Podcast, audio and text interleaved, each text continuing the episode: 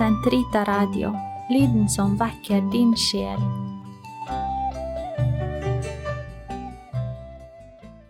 Kroppens teologi, en kommentar til pave Johannes Paul 2.s onsdagskatekeser av Eirik Ambrosius Stenhoff.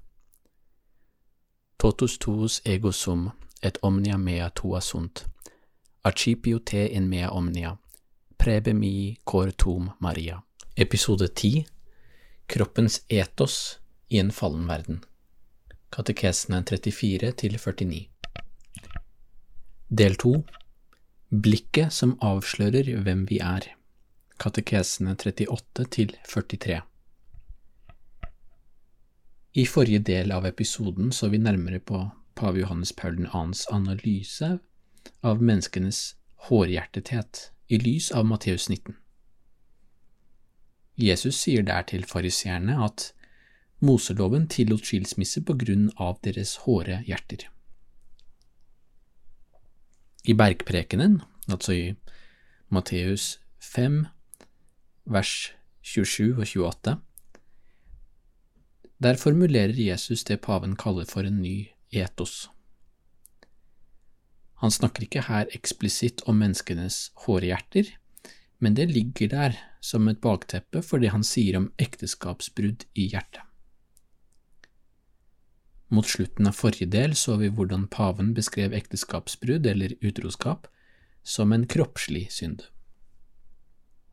Utroskap er en synd mot pakten mellom ektefellene, dermed også et brudd mot det tegnet som ekteskapssakramentet utgjør.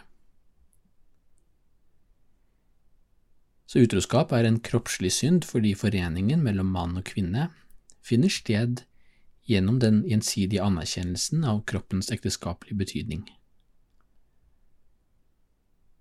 På begrepet ekteskapsbrudd i hjertet synes på sin side å peke på en mer åndelig eller subjektiv realitet.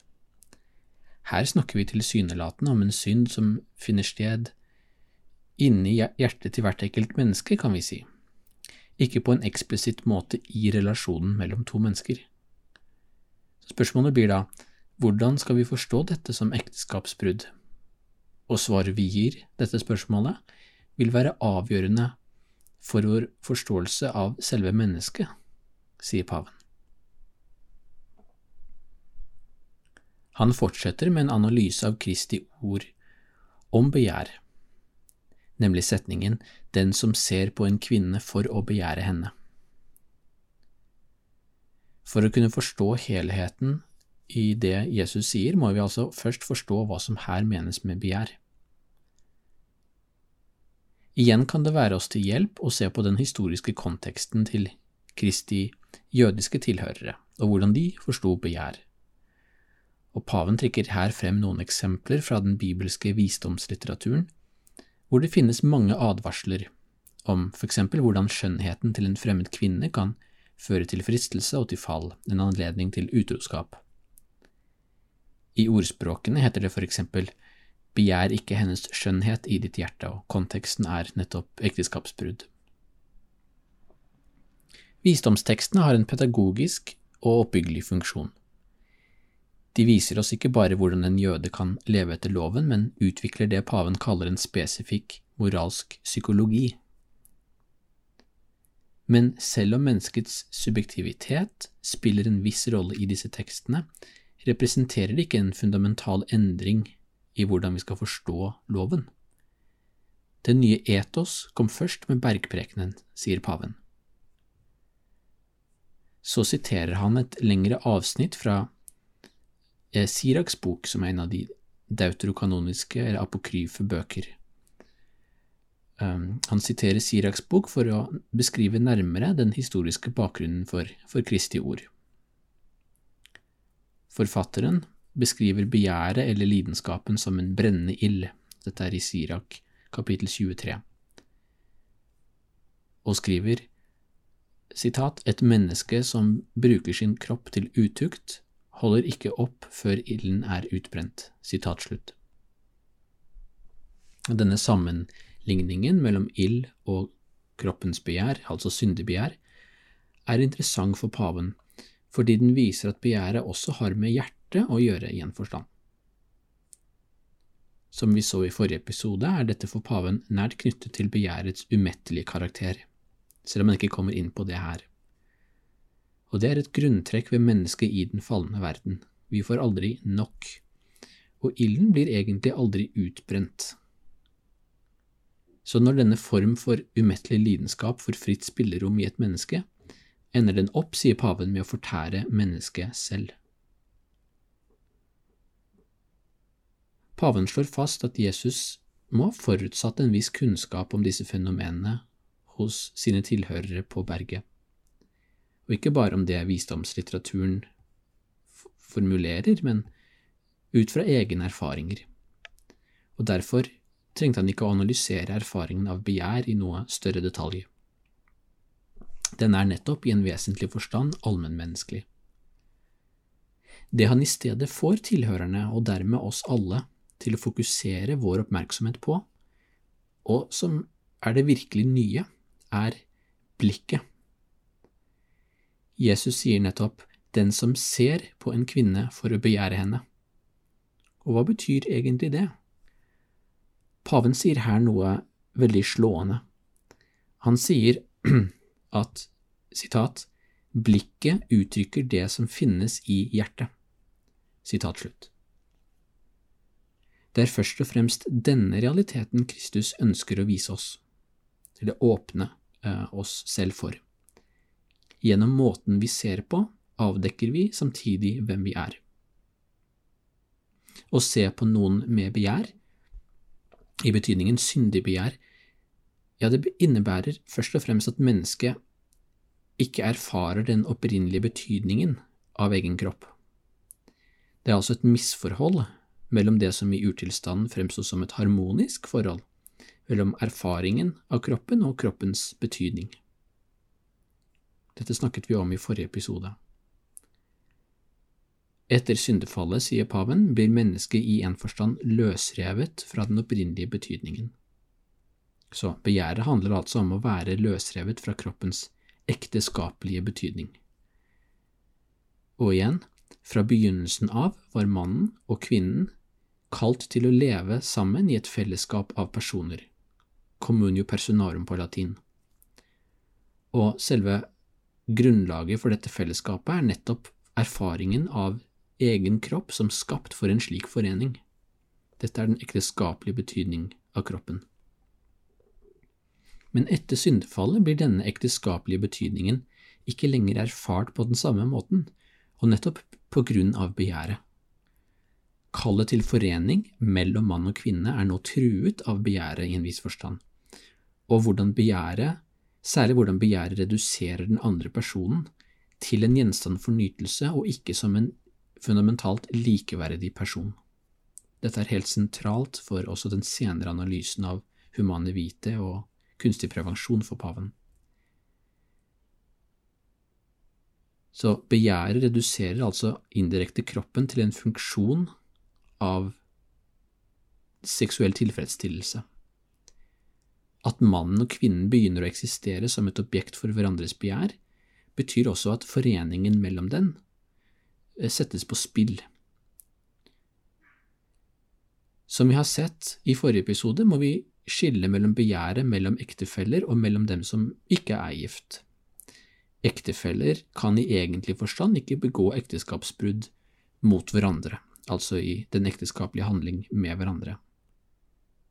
Likevel er det mulig at blikket kan redusere den andre til et objekt, også innenfor ekteskapet. Og dette er den preventive mentalitet i et nøtteskall, altså bruk av uh, kunstig uh, prevensjon og den mentalitet det fører til. Derfor sier faktisk paven til slutt at ektefellene kan begå ekteskapsbrudd med hverandre i hjertet, nettopp ved å behandle hverandre først og fremst som en gjenstand for en tilfredsstillelse av kroppens drifter. La oss vende tilbake til Jesu ord i bergprekenen. Vi må ha i bakhodet at bergprekenen er ment som en oppfyllelse av loven. Hinsides den kasuistikken og de legalistiske tolkningene som var vanlige på Jesu egen tid. Jesus forkaster ikke lovene om ekteskapsbrudd, men er mer opptatt av å avklare den dypere betydningen av ekteskapsbruddet. Vi står likevel overfor det samme paradokset, sier paven. For hvordan kan ekteskapsbrudd finne sted uten at det faktisk begås noe ekteskapsbrudd? Men som vi har sett hittil, tolker paven uttrykket ekteskapsbrudd i hjertet ut fra blikket, altså måten vi ser den andre på. Vi er kompromittert av den grunnbetingelsen som syndefallet gir oss. Og i forrige episode så vi hvordan paven tolket Jesu ord i bergprekenen mer generelt ut fra det evangelisten Johannes sier, nemlig at Jesus vet hva som bor i hvert menneske, og dette er også en, naturligvis en tolkningsnøkkel for hele kroppens teologi. Med andre ord forsøker Jesus å få oss til å gå bort fra utilstrekkelige ordninger som på ulike måter forsøker å lindre syndens virkninger i verden. Noen av disse ordningene er rent juridiske, som på Jesu tid. I vår egen tid opplever vi jo naturligvis et enormt kulturelt trykk til å unngå enhver form for dømming av den enkeltes handlinger. Her finnes det ikke engang en anerkjennelse av at vi er skapt på en viss måte, som gir et normativt grunnlag for lovgivningen, og særlig ikke på seksualitetens område. Jesus ønsker å peke forbi alle våre oppfinnsomme løsninger for å omgå syndens realitet, og mot det som virkelig er hovedproblemet, nemlig vårt eget hjerte. Så hvordan kan vi kalle Jesu ord om ekteskapsbrudd en oppfyllelse av loven? Hva er det han mener med å be oss se til vårt eget blikk og vårt eget hjerte? Paven sier at veien videre går gjennom hjertets renhet, og han kommer tilbake til det på en mer detaljert måte i en senere katekeserekke. Jesus peker ikke bare på syndens historiske realitet, men indirekte på hjertets renhet som en måte å oppfylle loven på. Gjennom hjertets renhet kan vi også oppnå en renhet i kroppen.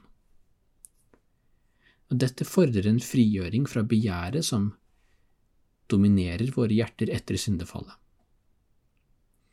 Paven sier, sitat, Det Kristus krever av alle sine faktiske og mulige tilhører i bergprekenen, hører helt klart til det indre rommet der hvor mennesket, som nettopp er den som lytter til ham, må gjenoppdage sin menneskelighets tapte fylde og ønsker å gjenvinne den. Sitat slutt.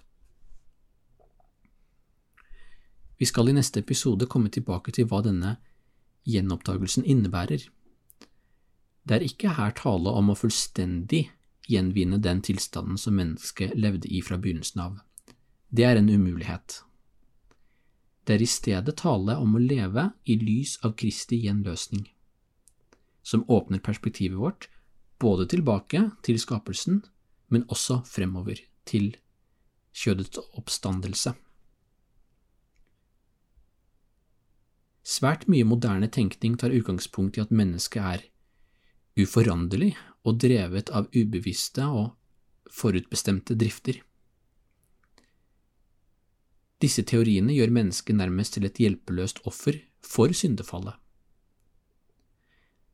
La oss i siste del av denne episoden se nærmere på hvordan vi bør forstå hjertet som Jesus taler til, og på noen moderne vurderinger av menneskets hjerte hos dem som Johannes Paul 2., etter Paul Ricœur, kaller for mistenksomhetens mestere.